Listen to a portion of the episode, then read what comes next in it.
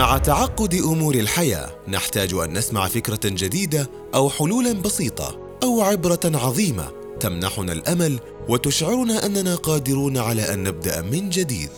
برنامج نقدر يمنحك كل يوم فكرة وأمل. نقدر وي كان وي كان برعاية مؤسسة سليمان بن عبد العزيز الراجحي الخيرية. السلام عليكم. تعالوا نفكر اليوم سوا بسر الفاعلية.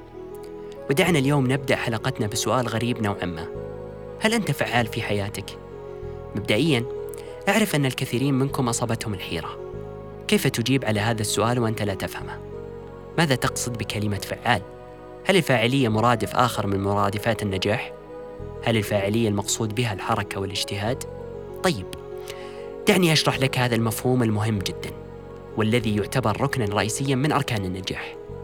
يستحيل ألا تراه موجودا في حياة أي ناجح حولك أو شخص شهد له التاريخ بنجاحه.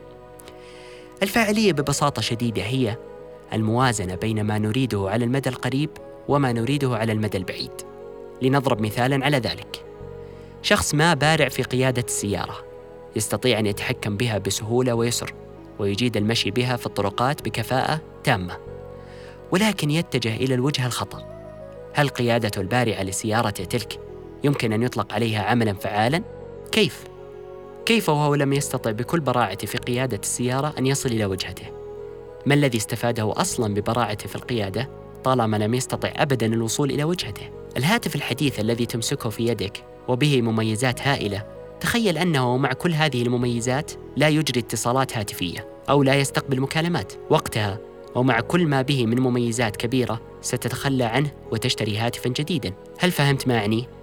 الفاعلية هو أن تستغل مهاراتك وقدراتك والظروف المحيطة بك للوصول إلى هدفك ومصلحتك على المدى البعيد تأكد تماما أن الشخص الذي يجد نفسه في شغل دائم لا يعتبر فعالا بعكس تصور الكثيرين قد يكون هذا الشخص مشغولا بأمور صغيرة تافهة لا تضيف إلى رسالته أو طموحه في الحياة أي جديد بينما يغفل عن الأمور الكبيرة التي كانت ستجعله فعالا وناجحا. القاعدة الشهيرة التي تقول أنا مشغول اذا أنا فعال هي قاعدة غير صحيحة بالمرة وفاشلة تماما ويجب أن تلغيها من ذهنك نهائيا. الفاعلية في مجملها لها ركنان أساسيان. الأول عظمة الجوهر قبل عظمة المظهر. ما معنى عظمة الجوهر قبل المظهر؟ تخيل معي شخصا مبدعا في مهارات الاتصال مع الناس حاصل على عشرات الدورات التي تتحدث عن الإقناع والتأثير والإنصات الفعال وتكوين العلاقات. المفترض طبعا أن هذا الشخص سيكون خبيرا في علاقاته الإنسانية والتأثير على الآخرين. هل تعتقد أن هذا الخبير سينجح فعلا إذا استخدم كل مهاراته تلك في خداع الناس واستغلالهم من أجل مصالحه ونسى كل المبادئ والقيم ورفع شعار أفوز أنا ويخسر الآخرون؟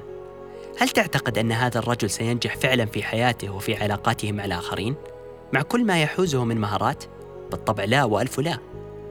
على النقيض شخص متواضع في مهارات الاتصال حديثه بسيط يرتكب أخطاء في تعامله مع الناس ولكنه يملك قلبا محبا للجميع ويتمنى لهم الخير بصدق ويحرص على قضاء حوائجهم. شعاره في الحياة أفوز أنا وتفوز أنت. هل تعتقد أن هذا الشخص سينجح في علاقاته بالآخرين؟ بالتأكيد سينجح بإذن الله. ما بالك إذا سعيت أنت إلى امتلاك الاثنين؟ عظمة المظهر وعظمة الجوهر. وقتها ستكون النتيجة مبهرة طبعا.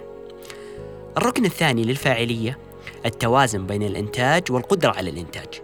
البعض ينظر للفاعلية طبقا للقاعدة التي ذكرتها لك منذ قليل. كلما زاد إنتاجك زادت فعاليتك وهذا خطأ فادح في الواقع. الحقيقة أن الفاعلية تتكون من شقين رئيسيين الإنتاج والقدرة على الإنتاج مثل البيضة والدجاجة. البيضة هي الإنتاج والدجاجة هي مصدر هذا الإنتاج. إذا هو ميزان. كفته اليمنى هي الإنتاج. وكفته اليسرى هي القدرة على الإنتاج. فإن رجحت كفة الإنتاج وركزت على الإنتاج بشكل كبير في حياتك فانتظر تدهورا في صحتك وبعد عن الأسرة وضياع الأبناء. وعلى العكس إن رجحت كفة القدرة على الإنتاج فأدركت أهمية الحفاظ على بدنك وأصبحت تمارس الرياضة لمدة أربع ساعات يوميا مثلا أو وسعت دائرة معارفك وعلاقاتك الشخصية إلى حد كبير زائد عن المطلوب. وأهملت عملك وإنتاجك.